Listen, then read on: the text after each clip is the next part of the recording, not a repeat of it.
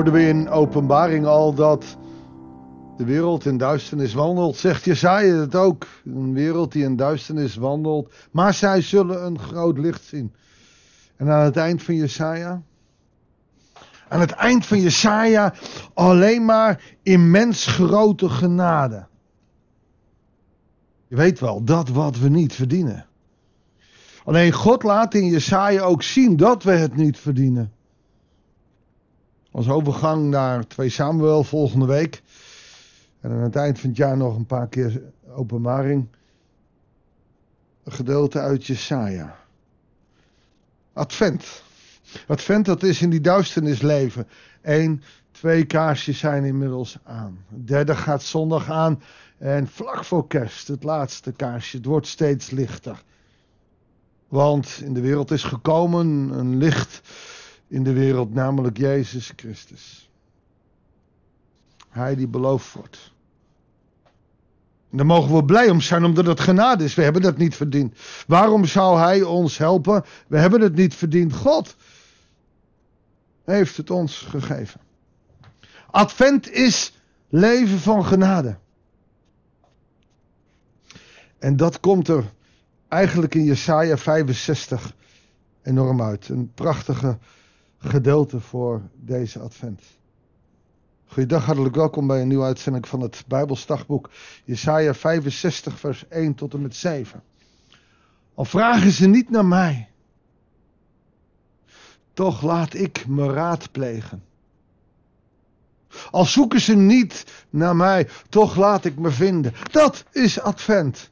Hij komt naar de wereld omdat wij hem niet meer willen horen. Het licht komt naar ons toe omdat wij het niet willen zien. Wij mogen God raadplegen, maar we doen het niet. En toch geeft hij ons antwoord. Het komt wederom van hem aan. Al roept het volk mijn naam niet aan, toch antwoord: Hier ben ik, hier ben ik. Heb je dat wel eens dat je denkt: Ja, ik bid wel, maar het lijkt wel alsof mijn eh, bidden en mijn roepen niet aankomt. God schreeuwt uit de hemel: Hier ben ik, hier ben ik. En met advent zien we: Ik heb je gehoord. Hier ben ik. Heel de dag sta ik met uitgestoken handen tegenover een opstandig volk. Dat op de verkeerde weg is en zijn eigen ingevingen volgt. Dat is 2023. Want ook wij zijn een opstandig volk. Wij weten het allemaal zelf beter. En wij volgen eerder onze eigen ingevingen dan dat we God volgen. Heel de dag staat God met uitgestoken handen. Hij roept: Hier ben ik, hier ben ik. Hij heeft 2000 jaar geleden niet alleen maar handen uitgestoken, maar is zelf naar de aarde gekomen. En toch, we zien hem niet. We willen hem niet aannemen. Dit gaat over deze tijd. Een volk dat mij openlijk tergt, telkens opnieuw. Ze ontsteken offers in hun tuinen en branden wierook op branders van aardewerk. Ze zitten in graven, slapen op geheime plaatsen. Ze eten vlees van varkens. Hun vaatwerk is gevuld met onrein vleesnat. Oftewel, ze doen alles wat God verboden heeft. Dat klopt toch, wij doen dat toch? We doen alles wat God verboden heeft.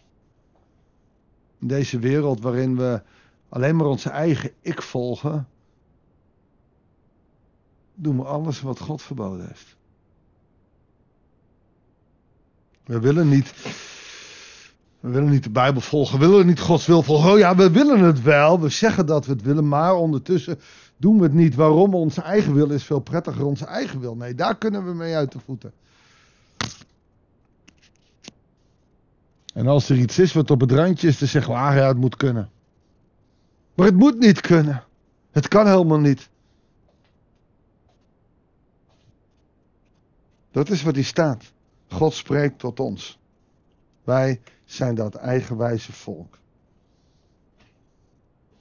Ze zeggen: blijf waar je bent, kom niet dichterbij, want ik ben te heilig voor je. Hoor je dat wat? God zei tegen Mozes bij de brandende braamstraat. Dus staat, kom niet dichterbij, want de grond waarop je staat is heilig. Nu Zijn het de mensen die zeggen: blijf maar waar je bent, God, kom niet dichterbij. Want wij zijn te heilig voor je. Wij weten het beter. Jij bent maar een God van 2, 7000 jaar oud, weet ik veel. Ze prikkelen mij als rook in mijn neus. Ze zijn als een vuur dat de hele dag brandt. Hier voor mij ligt wat er geschreven staat. Ik zal niet rusten tot ik alles heb vergolden. Zal jullie je wandaden terugbetalen. En die van je voorouders erbij, zegt de Heer. En dat is Advent. Feitelijk is God ongelooflijk boos op de mensen. Wij hebben hem getergd. Dat deden ze toen, dat doen we nu nog. Ook bij christenen in onze kerken. Hou toch een keer op. Ook wij tergen God. Met het ons beter weten dan. Met de arrogantie van de Bijbel staat dit en zo is het. Wij veroordelen mensen omdat ze anders zijn. En God vergeldt het. En weet je hoe die dat vergeldt? Hij stuurt zijn eigen zoon. Jezus Christus. In een kribbe. Het stelt niks voor. Hij stuurt een kind. Een kind om ons te redden. En het was deze Jezus die aan het kruis hing voor onze zonde. Het perspectief van het kind, kijk maar door de kribbe, is een kruis op Golgotha. Maar uiteindelijk een nog groter licht, namelijk de nieuwe hemel en de nieuwe aarde. Jesaja 65. Dat is Advent. Uit de hemel schreeuwt het. Hier ben ik, hier ben ik, dat kind in de kribbe. En in 2023 hebben zoveel mensen het nog niet begrepen. Emmanuel, ik ben met je, hier ben ik. Zullen we bidden? Laten we eens bidden voor de wereld. Trouwe God, Hemelse Vader. We willen bidden voor de wereld die uw zoon niet kent of niet wil kennen. Die uw kinderen niet, die uw kind niet aanneemt. Heere God, als we in deze wereld kijken, is er zo weinig perspectief egoïstisch gedrag. Iedereen doet zijn eigen wil, zijn eigen zin. Heere God, vergeef ons. Vergeef deze wereld. En vergeef ons christenen dat wij niet vaker delen van wat u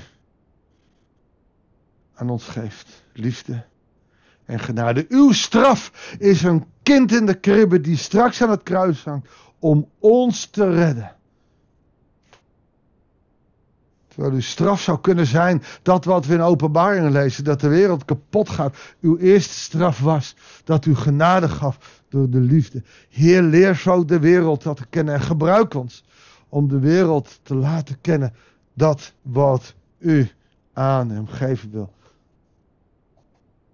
Dank u wel voor uw liefde en genade. En het kind in Bethlehem. En help ons om het koninkrijk hier op aarde groter te maken. Door te getuigen van dit kind. Van dit genade bed in Bethlehem. Zegen ons zo. Deze dag, deze dagen. In Jezus' naam. Amen. Dankjewel voor het luisteren. Ik wens je God zegen.